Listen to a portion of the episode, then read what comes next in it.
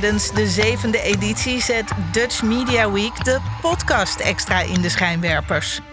Samen met bekende en onbekende podcastmakers probeert het Mediafestival van Nederland om het wereldrecord podcast maken te vestigen. Als onderdeel daarvan stelt Dutch Media Week 2022 met grote trots aan u voor. De Ver van je bed show. Volgens mij wel. Ja, inderdaad. We zaten allebei zo te wachten. Weet je. Ja, want Jos, wij zitten niet in de studio van Dag en Nacht Media in Amsterdam, waar we normaal gesproken zitten met, ons, eh, met onze Ver van je bed show. Nee. Maar we zitten in eh, beeld en geluid. Midden in beeld en geluid, onder de lampen in een soort boxring lijkt het wel. Maar Ja, het, is wel eh, het is heel gaaf. Het is even ongebruikelijk, speciaal. Ja, En om die wel. reden ook een speciale uitzending, een speciale gast. Suzanne, met wie gaan we praten vandaag? Ja, wij eh, hebben dit keer te gast eh, ex-Guantanamo Bay-gevangene Mohamedou Ould Slahi. Ja, Die heeft daar 15 jaar lang onterecht vastgezeten. Heeft eh, tijdens zijn hechtenis een boek geschreven over zijn tijd daar. Die is ook uitgebracht op het moment dat hij eigenlijk nog gevangen zat. Ja.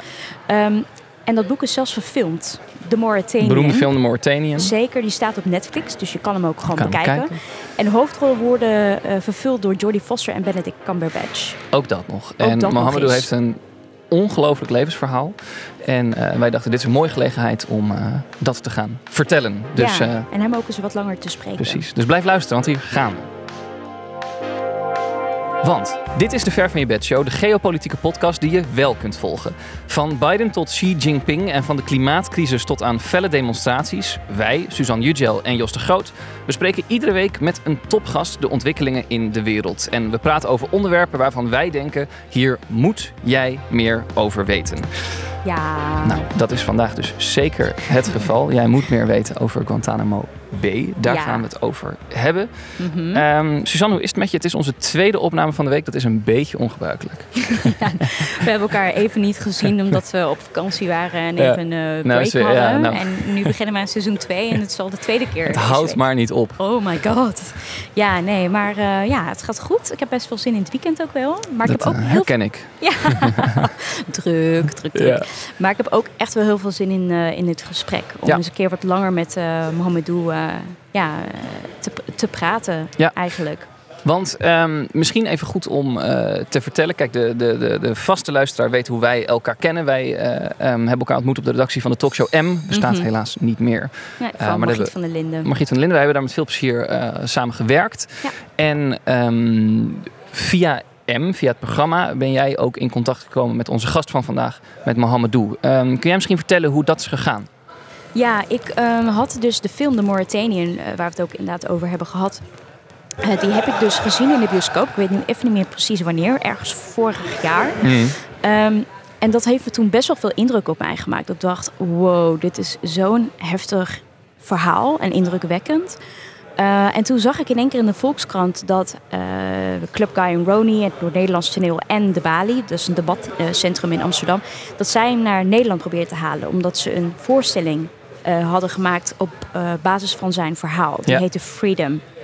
Dat is wel een toepasselijke naam ja, ook. Zeker, zeker. Ja. Eh, alleen er, was, er waren visumproblemen omdat hij dus in Guantanamo Bay heeft gezeten. En uiteindelijk in november heeft Nederland gezegd... we geven toestemming, hij mag naar Nederland komen. En het eerste wat ik dacht was... oh my god, hij moet bij ons in de show. Want hij heeft nogal een levensverhaal. Wat een en- verhaal, tuurlijk. Precies, Ja. en dit, ja, dit, moet- dit moet gewoon op televisie. Dus ik heb eigenlijk meteen gebeld. En eh, Goeie redacteur. ik had niet precies... Want eigenlijk is de regel, je vraagt het niet, je belt gewoon. Je belt. en dan gaan we het eens een keer dan- eh, met de eindredactie bespreken. Exact, dus dat heb ik gedaan. ja. Eh, nou, die werden ook enthousiast. Ehm, en ik had heel goed contact ook met eh, eigenlijk degene die Mohamedou in Nederland begeleidt. En die zei, nou, we eh, voelen ons ook wel goed bij M, dus laten we dit inderdaad gaan doen. En in januari was hij te gast Ja. eh, in het programma. Ja. Ja. Ehm, Misschien moeten we even terug naar Precies. waar het echt allemaal begon. naar Guantanamo. Ja, Ja. en, en misschien ook nog een, een, een stap daarvoor. Eh, voor de luisteraar die, die blanco instapt. Nou, we weten natuurlijk allemaal nog eh, wat er gebeurde op 11 september 2001. Mhm. ehm, toen de aanslagen op de Twin Towers werden gepleegd in, ehm, in New York. En ehm, dat de, de, de terreurgroep Al-Qaeda daarvoor verantwoordelijk was en, en werd gehouden. En Wat er toen eigenlijk gebeurde is dat eh, de Verenigde Staten een, een klopjacht openden op iedereen die ook maar iets met Al-Qaeda mogelijk te maken zou hebben. Mhm. Ehm, zo kwamen zij uit bij Mohamedou in Mauritanië, omdat hij in de jaren negentig eh, kortstondig heeft gevochten met Al-Qaeda eh, tegen de toen communistische regering in Afghanistan. Samen met de Amerikanen. Notabene met de Amerikanen, met op Amerikaanse... een legale manier vanuit Duitsland wapens, een ja. visum gekregen Ja. om daar te kunnen vechten. om dat te kunnen doen. Dat is zijn link met de terreurorganisatie. En toen dus, nou ja, de hele wereld was natuurlijk eh, in rep en roer na die eh, aanslagen in, eh, van 9-11. Ehm, en zodoende hebben ze hem gevonden en in Mauritanië van zijn bed gelicht. Ja. Ehm, hem opgepakt, nog zonder dat da- voor hem duidelijk was wat de aanklacht was. Precies. Hij heeft vastgezeten in een gevangenis in Jordanië voor acht maanden. Berucht dat daar ook martelingen plaatsvinden. Daarom Ja. eh, nemen ze mensen mee naar Jordanië. Ja. Ja. Eh, vervolgens ook nog even kort in Afghanistan overigens. En daarna ehm, is hij op transport gezet en eh, deed hij zijn ogen open en was hij op Cuba in Guantanamo Bay. Guantanamo Bay. ehm, Wie weet het eh, nog niet, zeg ja, maar. Ja, nee, het bestaat nog steeds, Het ook bestaat dat. nog steeds. Ja. Het bestaat ook al heel lang, al sinds het einde van de 19e eeuw eh, eh, pacht Amerika een stukje Cuba, zo zou je het kunnen zeggen. En na 9-11 hebben ze gedacht, de, de Bush-regering, George W. Bush en zijn ehm, eh, minister van Defensie, Donald Rumsfeld, die hebben gedacht, nou weet je, dat is een gevangenis die is niet op Amerikaans grondgebied.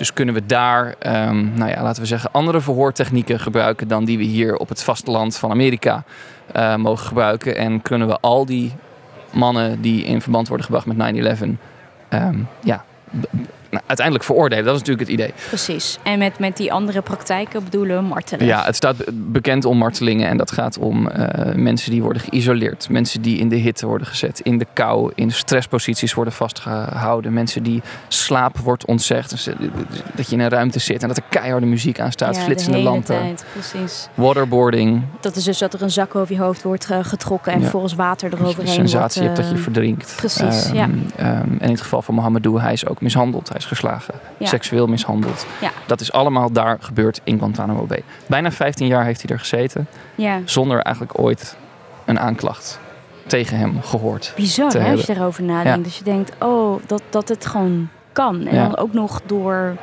ja, door een westers land dat mensenrechten hoog in het vaandel heeft. Dat is best wel Precies. pittig. Ja. Vind ik pittig. Maar toen was daar Suzanne Nancy Hollander, Yes. mensenrechtenadvocaat. Ja. Zij heeft zich ontfermd over eh, de zaak van eh Mohamedou. En eh, na vele jaren heeft, is ze geslaagd om hem vrij te krijgen. Ja. Na acht jaar procederen. Ja. Ehm, alleen het ding was dat de eh, Obama-regering besloot van... "Mm, we gaan hem nog niet vrijlaten. Dus hij heeft daar Precies. eigenlijk nog zes jaar voor... Ja. Op het moment dat ze de- French, Jan dus- dus- gezeten. Ja, dus besef even, hè, op het moment dat de vrijspraak na, na jaren van juridisch getouwtrek tussen de Amerikaanse Ja. regering en dus die mensenrechtenadvocaat eh, Nancy Hollander, was hij vrijgesproken en heeft hij nog zes jaar moeten zitten. Ja. Ehm, eigenlijk puur omdat ze, omdat ze het niet aandurfde. Hè? Nee. Maar dat is natuurlijk bizar. Notabene voor een president Obama die had beloofd Guantanamo Bay te, Te gaan sluiten. sluiten. Ja, Nou, inderdaad. Dat is niet gebeurd. Nee. Ehm, nee, en ik heb, we hebben hier wat cijfers. Ik Ja. denk dat het misschien wel Ja. goed is om dat ja, nog even te een benoemen. klein beetje namelijk- context. Ja. Ja, heel goed. In Guantanamo eh, zijn in totaal tenminste 780 mannen vastgehouden. De overgrote meerderheid zonder aanklacht of proces. Ja. En op het hoogtepunt in 2003 zaten er ongeveer 660 mannen in de gevangenis. Nou, die laatste eh, gede- gedetineerde die arriveerde in 2008, is toch al even geleden. Ja. En volgens Human Rights Watch stierven negen de- gedetineerden in Guantanamo en zes vermoedelijk door zelfmoord. Ja. Dat zijn nogal heftige cijfers. Weet je hoeveel gevangenen van Guantanamo ehm, daadwerkelijk zijn veroordeeld na een proces? Eh, ik weet het omdat je het me van tevoren hebt verteld, ja. maar vertel. Nee, het zijn, het zijn er acht. Eh, en als je dan even komt van die cijfers van hoeveel mensen daar vast hebben gezeten. 780. Ja, eh, er zijn er acht veroordeeld en drie daarvan zijn later alsnog ehm, eh, in hoger beroep vrijgesproken. Dus dat is waar we het over hebben. Dat Ja. is een stukje achtergrond. Ja. Ehm, ik denk dat het heel bijzonder is om het verhaal te gaan horen van iemand die daar bijna 15 jaar eh, heeft vastgezeten.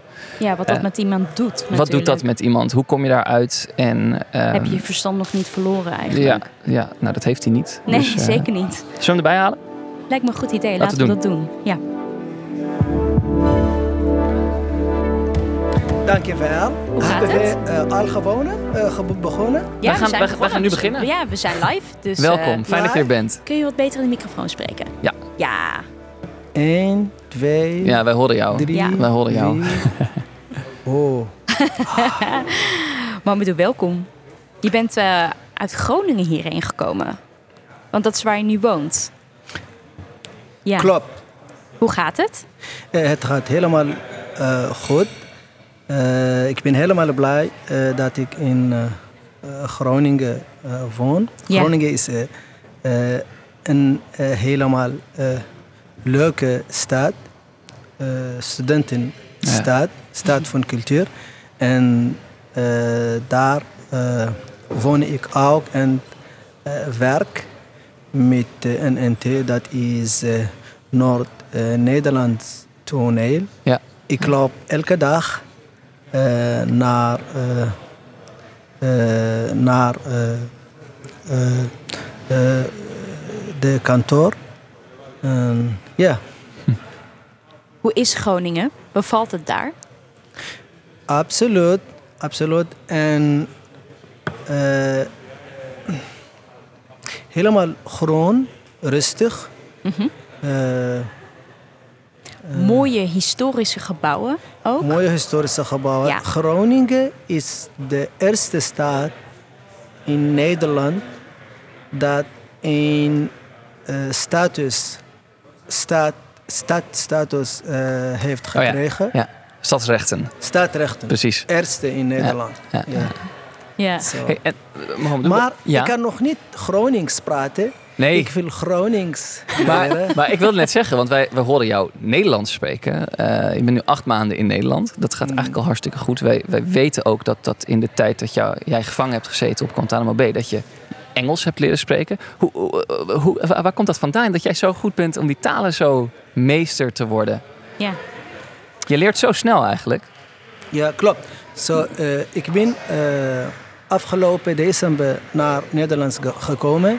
En eh, op het moment eh, wist ik eh, dat ik niet, nooit weg zou willen. Hmm. En omdat ik mijn ziel in Nederland heb gevonden. En klopt, ik heb ook Engels geleerd in gevangenis. En ik heb Engels zonder boeken, natuurlijk ook zonder eh, een leraar of een lerares eh, geleerd. Ik heb alleen van horen en van praten eh, met de bewakers. En in de beginning eh, wou ik niet Engels praten. Voor mij, de accent was helemaal lelijk. En, ja. ja. Maar met tijd eh, ben ik, eh, ben ik, eh, ben ik veranderd. En ik heb, ik heb ik ben over mijn eh prejudices eh, Ja. gekomen. Vooroordelen. Ja, Ja. zo vooroordelen, vooroordelen gekomen. Maar Nederlands voor mij is, eh, is love on first sight. Ik hou van Nederlands. Nederlands is helemaal aardig. Eh, ik, ik praat natuurlijk Arabisch, Frans, eh, Engels, eh, Arabisch, Frans, Engels, Duits, Ja. ook Spaans. Spaans heb ik ook in, in gevangenis eh, ge- geleerd met de bewaker uit Puerto Rico. Ah. ja. Waarom? Waarom heb ik dat eh, gedaan? Een dag, een dag heb ik een song, een liedje gehoord. Eh, en una esquina cualquiera por tu culpa me encontré. Y mi vente primavera se me pusieron de pie. Moreno, quiero un vaso del mosto oro fino. La lombra de sus ojazos me camada más que el vino. en, en, en het liedje is in mijn geheugen eh, Ja. ge- gegrief- gegript. En ik wou op, op dat moment wou ik ook Spaans leren omdat ik ook... eh, eh, Dat liedje wilde begrijpen? wou begrijpen wat Ja. de, de, de li- Ja. eh, het Ja. liedje eh, zegt. Omdat nu begrijp ik alles.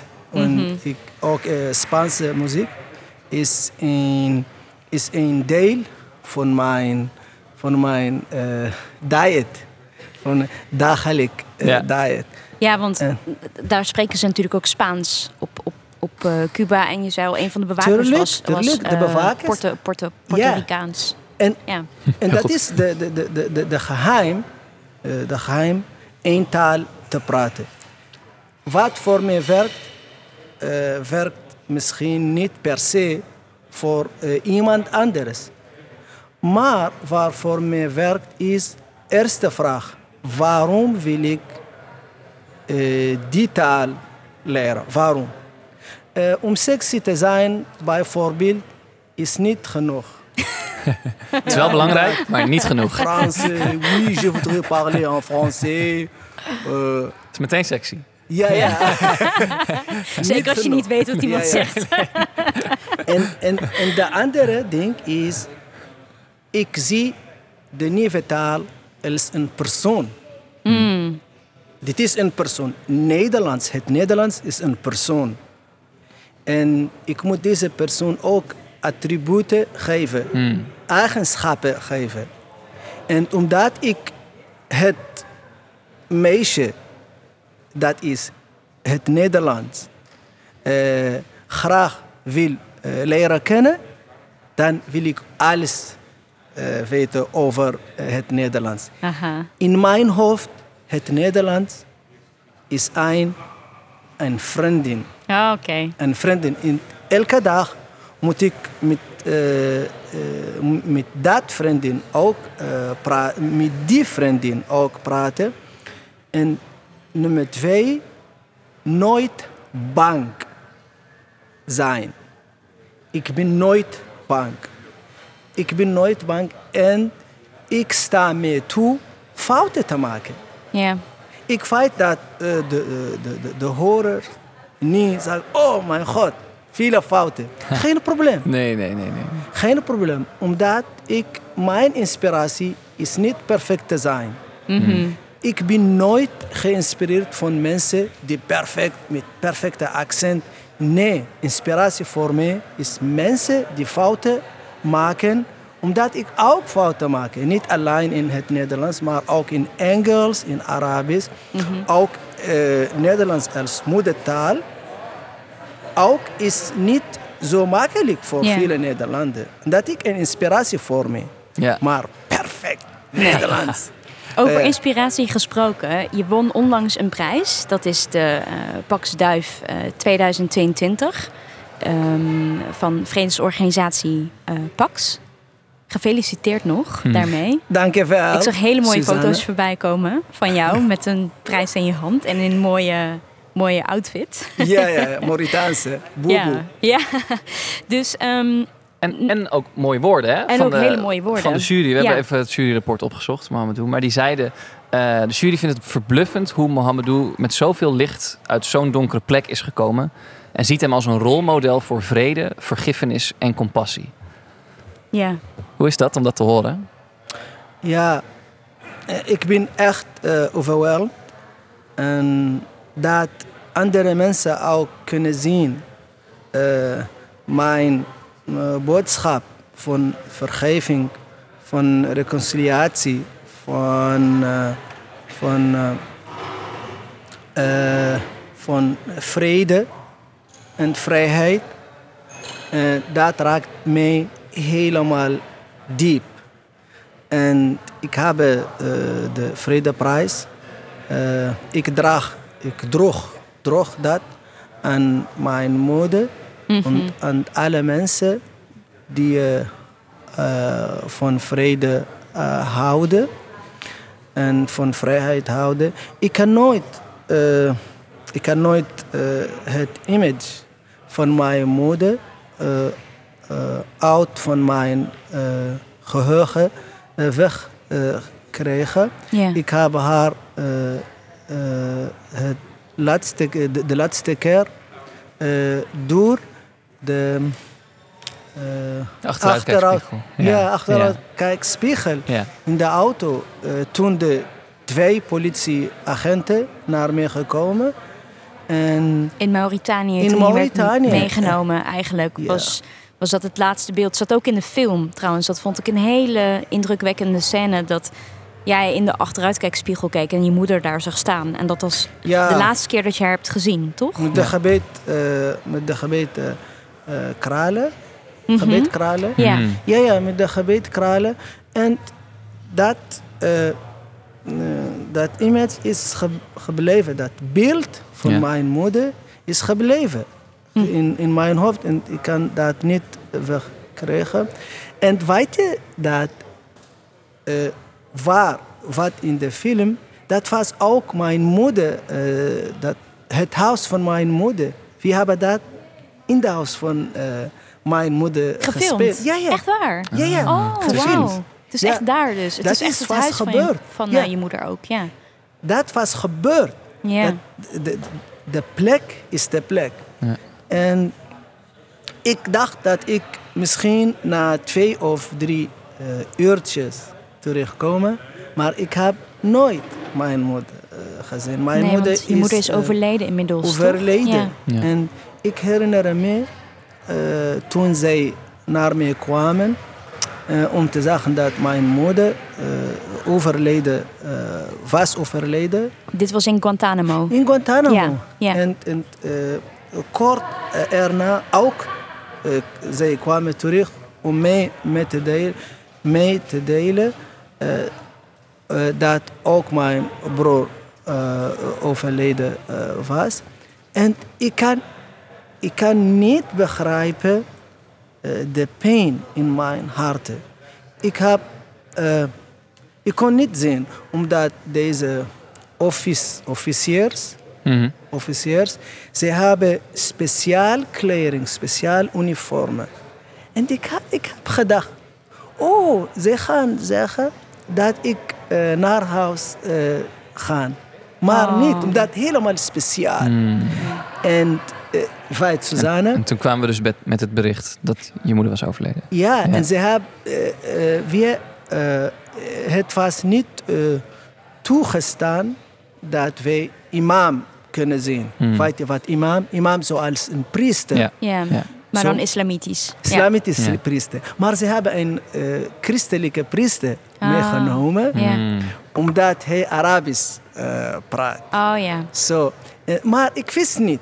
Zo, eh, eerste ding, moeder gestorven, broer gestorven. Daarna kon ik niet horen. Nee. Niet. Zo, Mm. Je, eigenlijk was je uitgecheckt. ja, Ja. maar ik, ik, ik kon de, de, de lippen Mhm. eh, zien. Eh, zij, eh, zij hebben gezegd, wil je een, een dokter zien? Ik zei nee. En de, de, de imam, de priester, heeft over, ik weet niet, Mhm. gepraat. ja. Maar Niet ik- gehoord. Ja, ja, Nee, nee. niet Nee. gehoord. Gar niks. We zitten eigenlijk echt al vol, vol in het We interview. zitten er vol in. Maar ehm, eh, voor, voor het gemak, Engels is nog steeds de taal die je, nou ja, waar je nog comfortabeler in voelt dan in het Nederlands. So we have decided to to make a little switch Let's make a little switch. to English. Uh, Switch. switch. This is for us the first time that we have a guest so- that we're so going to interview for in our, English. For our So listeners as well. for my international friends, hello. This is the first time that you can listen to this welcome. podcast. Welcome to you. because we're going to ask you some questions that you can express yourself um, easier in English because that's the language that you've been speaking for quite a while now. Um, I, ha- I have your book with me, but I don't have it here on the table. I was it was supposed We- to be with we me brought here. it. We brought it with us. Shamelessly. I am so sorry. Um, you, you wrote that book from Guantanamo. It is a very big book that you've written, and um, Was it the- a diary? it's right? a diary. Yeah, Guantanamo Diary. Mm. that's how it's called. And you also see that some things are painted in black, and that has been done by the American government um, because they're yeah they, they are They also the didn't want ones it published. exactly. Um, Now, Guantanamo wouldn't be the first place for, for me to think to write to write a book, but why? What made you decide to to keep a diary in prison when you were there? So, uh, first, uh, for our international uh, audience, I would like to uh, uh, reiterate uh, my thankfulness toward you Of course. and toward this beautiful country, the most beautiful country in the world, that is the Netherlands. And uh, thank you for uh, joining us again. And uh, yeah, I- I think I, I, I love this um, this uh, African uh, proverb. As long as the lion doesn't know how to ride, the story will always uh, will always uh, glorify the hunter. So, and I think every one of us is a walking story. You went through pain. He went through pain. I went through pain. Everybody in this world, they went through all kind of human feelings. And we are a story. And without our story, we are no one. And I remember because I'm not a writer, so I'm very fake. So I, uh, I'm, I chose to study mathematics, and uh, after mathematics, I studied uh, electrical engineering. So I can program computers, etc., etc. And then, but I always loved uh, art, and I loved. Uh, poetry. I wrote poetry when I was, my first poem was when I was 11. I wrote a poem in Arabic. And uh, to be honest, I have to be, I have to say that art saved me. Art saved me in Guantanamo Bay. Art saved me now. Tomorrow, uh, Fortune, uh, uh, a theater piece, uh, will pr- uh, premiere in uh, Groningen. Because you're um, yeah. a writer in residence for Yes. Noord-Nederlands toneel and, uh, and de and Klokka Bali, en Roni and the Balie. Yes. Yeah. So, and I'm so happy uh, that I'm paying back. Uh, I'm paying back. You know that art saved me. So, how did I decide? So, I wasn't allowed to have anything. Uh, no pen, no papers, and uh, up to that point, I didn't. Sometime I didn't know day or night. So and then they moved me to this block called Mike Block and so I wasn't allowed to have papers or pen, but my neighbors they were allowed. So in my religion, in Islam, thou not, thou shalt not steal, hmm. but nothing says thou shalt not borrow. so, so I so This So is a you very borrowed. good invitation. yeah, so I borrowed quote unquote the papers from my neighbors and the pen, and I kept writing, writing so quickly, so quickly, and I hid it. I hid it, and after several months, and I wrote in in Arabic, in French, in German, and very little in English, but not to document my story, but just what I hear from the guard I wrote. ah. Yes, you know, just to learn also. And then after several months, they came to me, they busted my cell, and they took everything away from me. And I felt so sad because this is a violation, so big violation that unfortunately would continue through uh, many years.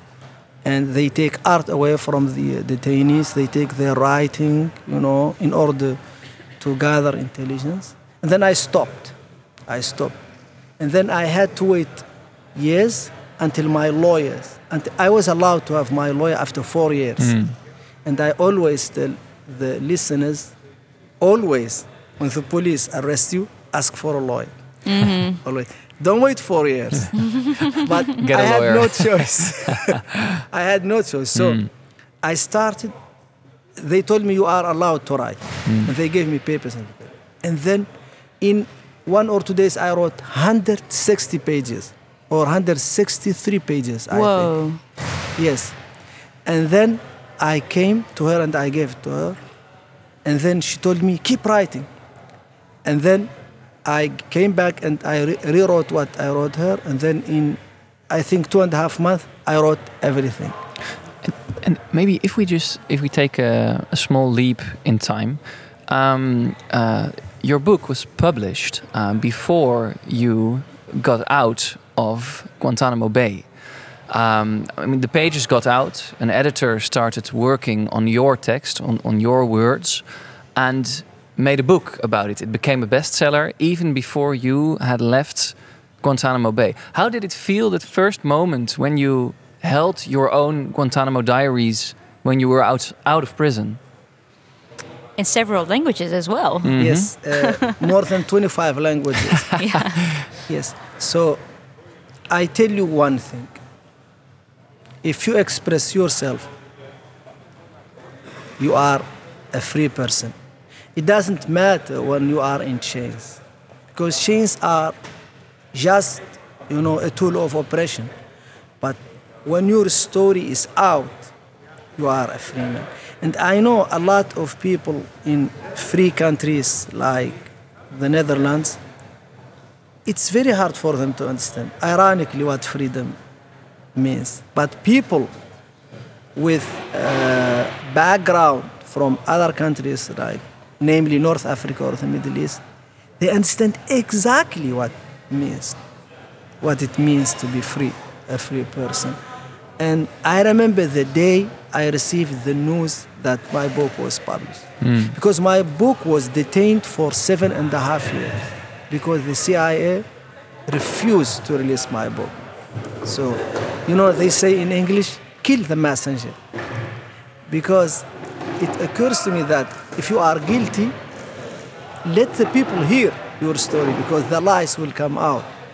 But they said, no, you cannot publish this. And you pointed it out, Susanna, uh, very correctly that you said that a lot of things, I think 5,000, more than 5,000 blackout reduction.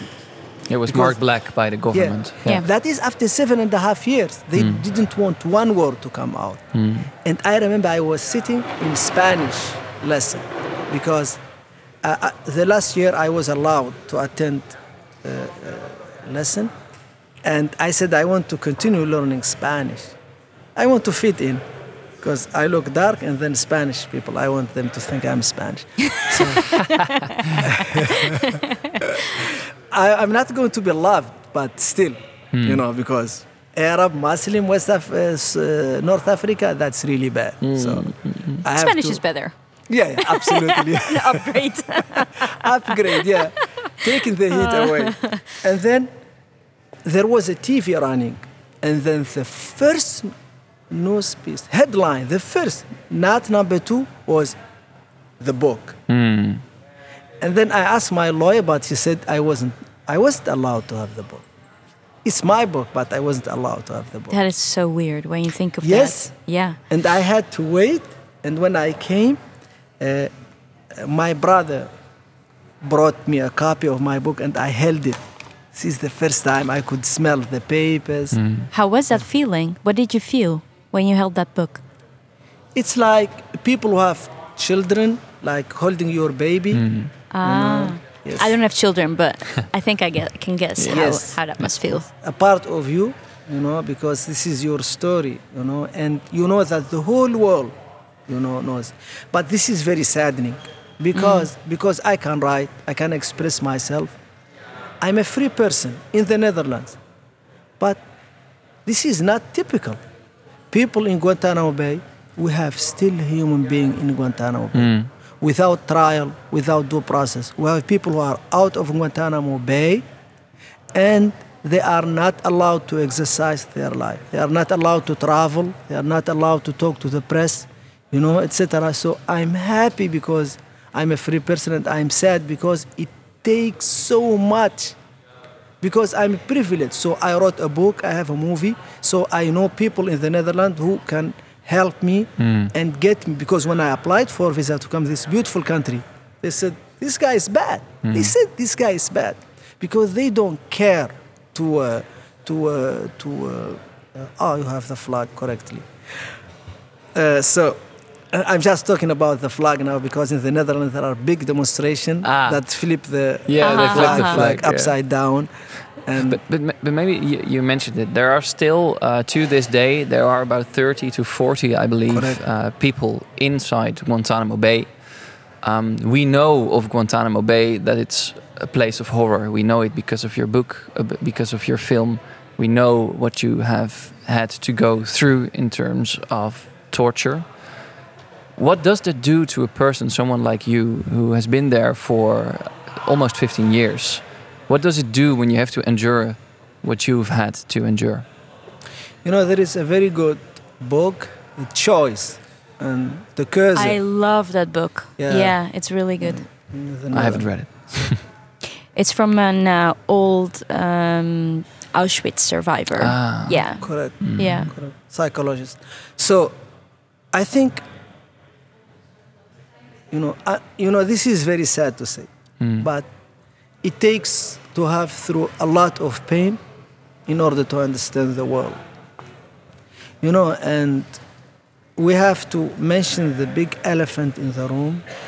This is done by the United States of America. The United States of America is not only a democracy, but is the leader of the free world. And this is a very hard case to sell in Europe. And we understand, we speak about the Netherlands. The Netherlands was invaded by the Nazis. They started with uh, Rotterdam and they bombed Rotterdam to the ground. Yep. Not because it was a military necessity, but because they wanted to make an example out of uh, uh, Rotterdam. And it took them 10 days.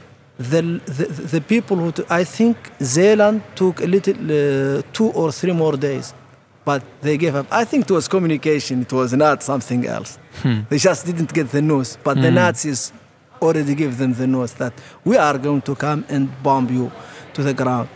So, and America came to the aid of this beautiful country. And I understand that. And I understand that American uh, soldiers fell here to free the Netherlands. This is something I would never forget. And I'm very thankful for. This is something we learned. But what we also learned that when the Nazis came here, very good thing. First, the uh, the extreme right, they welcome them, and they work together with them. So, I know that a lot of people now in Europe they welcome the extreme right, the xenophobia, but they don't know history. That those people may they may now hate Muslim, blacks, you know, but they hate you too. And the other lesson that the Nazis say that everybody who is against them is a terrorist. And they attacked a Dorpsche, uh, whose name escaped me now, because one of uh, a young man attacked this uh, German soldier who came to invite. And then the German leader said that if they don't give them this quote unquote terrorists, they will flatten the, the, the Dorpsche, that is small village. And they did flatten the small village, you know, went to history. And what I say, uh, people in this part of the world, in the Netherlands, the United States helped you to get rid of the evil of the Nazi and uh, authoritarian regime. You need to stand by the U.S. and help them get rid of those people who are anti-democratic. If someone tells you only American people are worthy of uh, the rule of law and everybody else is not, this is fascism.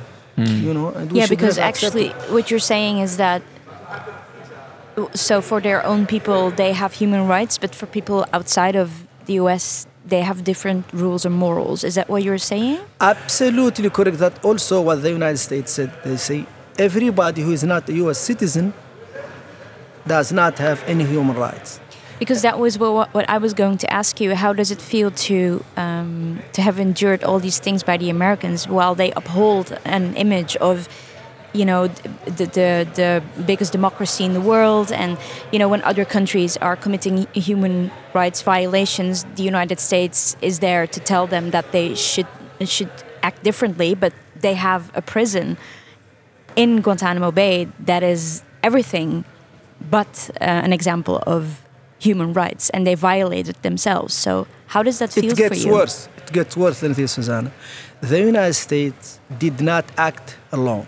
The United States act with the dictatorial regime in the Middle East and West Africa. First. Yeah. I was given by my own government.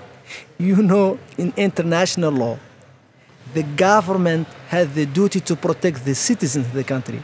The Dutch uh, government has f- first and foremost duty of the Dutch government is to protect us living in this country. But no, they give their citizens uh, to torture. And not only the, the dictatorial regime, but also uh, the European Western democracies also help the United States commit those war crimes in Iraq, in Abu Ghraib, you know, in Afghanistan. Yeah. And I know, f- I know people, you know, who work in the uh, uh, Dutch uh, forces who helped the U.S. They mm-hmm. didn't even know what they were doing. They just sent them to this and to this. I think this was one of the biggest conspiracy to violate human rights, and we all are part of it. And you know, Suzanne, you cannot, you know, I cannot describe to you the day they came to me and they informed me that I was chosen for death penalty mm-hmm. because I was tortured,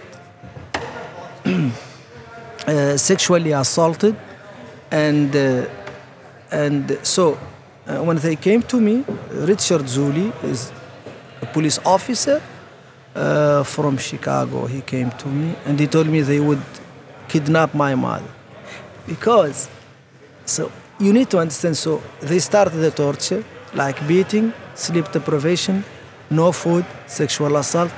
But I was numb. I, I couldn't feel. I didn't feel anything anymore. I was just like swimming. 70 days, the first 70 days, I didn't feel anything anymore. Then they want to shock me. They said, Your mother will be uh, kidnapped. And then I said, I had It, it was a threat that they that yes, they were. Yeah, yes. And they gave me exactly. document that Yeah. she would be kidnapped, and they insinuated she would be raped too. So, and I said, I tell you everything you want, you know, no problem. Of course, I mean that's Yeah. that's such a horrible thing to do. Yes. to And a then person. he said, okay, they helped me write a confession. And then they put me uh, uh, as the first person for death penalty case. How, how can you imagine, you know, the day they came to me and then they told me uh, I was chosen for death penalty, not to win something, not to be the best journalist in the world, but for death penalty. And you may think, Muhammad, like, were you afraid? Were you uh, like sad? I had no feeling. I was just like numb, sitting there, and I was only waiting for him to finish his uh, narrative so I could go back to myself. Because in myself I found peace because I lived in my head. I had a life in my head, imagination that there is a green place I can go to, and then there is no one, you know, uh, this kind of stuff. And knowing that I never did anything, and this is not like 10 years, five years, this is death penalty, you know, they will kill you. Mohammed, w- w- we're talking about um, death penalty and about the role of the Americans here. Um, we know that um, because of your fight and because of the legal fight of Nancy Hollander, that your release was granted in 2010. Um, but the Obama government managed to prevent your release for seven more years. Um, we're here in uh, Beeld en Geluid in Hilversum. What if Barack Obama would walk through this door? What, what would you ask him? What would you say to him for not granting you your release when your innocence was already proven? Uh, you know, I I have to admit, you know, I, I like Obama as a person, you know, and I don't understand that he's a part of uh, a very big uh, colonial colonial structure that is the United States of America. And unfortunately, the colonial colonial tools are very ugly. And uh, I just would tell him that I, I would remind him of a very beautiful saying in America I can't hear what you say, because what you do is so loud. Because we are not judged about what we say, we are judged about what we do. That's why in the beginning of this uh, podcast I spoke in, uh, in Dutch. Because I can always say, oh, I love this country, I love the people, I want to be part of them, but that's just talk. But, But I you ask him why? uh, uh, look, I, I forgive everyone, Hmm. okay? Everybody who tortured me, everybody, because I want to live in peace. And You even Uh, became friends with one of your guards. yes, Yes. Steve, he's coming uh, in December, 13th Ah. December. Oh, we have that's so So nice. an event yeah. in the Balie, and the viewers, the, the, the listeners are invited, by the way, to come Hmm. to us to our event uh, December 13th in Amsterdam. Uh, so I don't want to shame. So Hmm. when I forgive you, I don't shame you. Hmm. So I just say, may God uh, bless your soul. And I'm, I'm aware that accountability is a very big problem for the US because the US is refusing to hold accountable uh, the people who tortured people. Look, I survived, but Rahman Gul did not survive. He died in the room I described in my book. The, That was a, the another prisoner. Yeah, he died. Yeah. Gul Rahman. And Dilawar died in the prison I described in Bagram. He died. He was beaten to death. And you know the, the sad thing? Dilawar was a case of mistaken identity. He was completely innocent. And they beat him to death. Yeah. You know? And those are people we know they hmm. died under torture. So, and not one single person was held accountable. This is not good for the US. This is not good for the Western world. This is not good for democracy because when we now uh, cheer up, you know, the cheer the, uh, the demonstrator in Tehran, and we are we standing against the war in Ukraine, for uh, instance, we have to have the moral authority to say that, you know, because Iran say those are terrorists, they don't deserve human rights. America says those are terrorists, they don't deserve human rights. They agree actually. Yeah. All you need, I say, terrorism is like mayonnaise. You can put it on anything. yeah. So then you On eat that it. note, exactly on that note, um, terrorism is like mayonnaise. we'll keep that in mind. definitely. Uh, we, when we end our show, we always ask our guest for a tip. But in your case, um, you were talking about forgiveness, that you forgive the people um, that did this to you. That is quite a big gesture because honestly, I don't know if I would be capable of doing such thing. And f- what what what what is your life life tip? I would say what for the people who listen and who maybe feel the same way with me. How do you overcome um, pain in your life and all the bad things that happened to you? How did you do that? And what kind of tip can you give to us and to our listeners? Um, how to go through life without resentment, for example. Uh, you know, the, the amazing thing about life, this is a very big question, by the way. I'm not I know. saying- I'm so sorry that I I'm know. asking Anyone to you has this the ans- to- answer? To, answer this in like two minutes, please. yeah. So, uh, yeah. So, uh, unfortunately, we don't know what matters before we face death. I have the very weird privilege that I faced death, and when I faced death, I know what I regretted. So I tell you what I didn't regret first. I did not regret not having money, didn't play any role. I didn't regret not having those beautiful women I met who didn't want me. so so sorry. no regret. I didn't regret not having like an apartment in uh, Paris or in Switzerland, but I regretted one thing, only one. Every time I made a bad comment or I was angry with someone I love or the people I meet every day, that really hurt me so deep. And I said, that's it. That's what matters in my life. Mm-hmm. And I took it upon myself to be a kind person. You know, I try to be a kind person. I know I'm not always, you know, but this is like every day when I wake up, I say, this is, I would do as if this is my very last day on earth. So, and when I meet everyone, uh, I tell them, so uh, I tell them, I help them if I can help them. you know. The other day, I was walking into uh, one of the supermarket. I uh, supermarket. I found this guy. He said he won't change. I was afraid he was going to buy more alcohol and then get lazy and so. I told him, "Come in. I buy you something to eat." He said, "You go alone." I said, "No, come in." He said, "Yeah, chicken salad." I said, "Come in." He said, "No." And then I came back, and then he was happy. He was testing me. Mm. And then I came back and I bought it for him. I think he just won't change. I think he want to bu- buy beer. So this thing I write. So mm. what I want to tell your viewer, every day send a message to yourself. Every day. I send a message to myself every day. And I write down the thing I did that I am proud of that particular day. You know, like patting a dog, I hmm. write it down hmm. meeting beautiful people. And you know, Suzanne, this is not her first interview with me, and she knows that I'm not afraid. So even like people very afraid of interviews, everything, because I know what matters. Hmm. I just want to be kind. It doesn't matter whether I say good thing, you know, it doesn't matter. Yeah. You know, that's all. Yeah. Let's take that with us. you know? yeah. Thank you so Be kind. much. yeah. kind. Rewind. Thank you so much for do your for your words, Thanks for- for, your inspiration, for For driving down here from Groningen. yeah. yes. Thank you so Um, much. It's been uh, inspirational. It's been a pleasure to host you and to talk to you.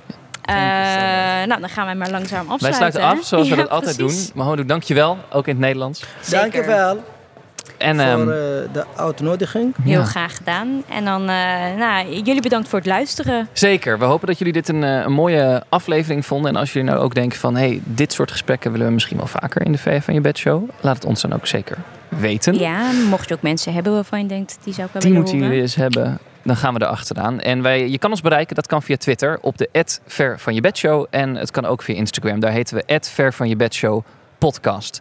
Ehm Mohamedou, nogmaals, dankjewel dat je er was.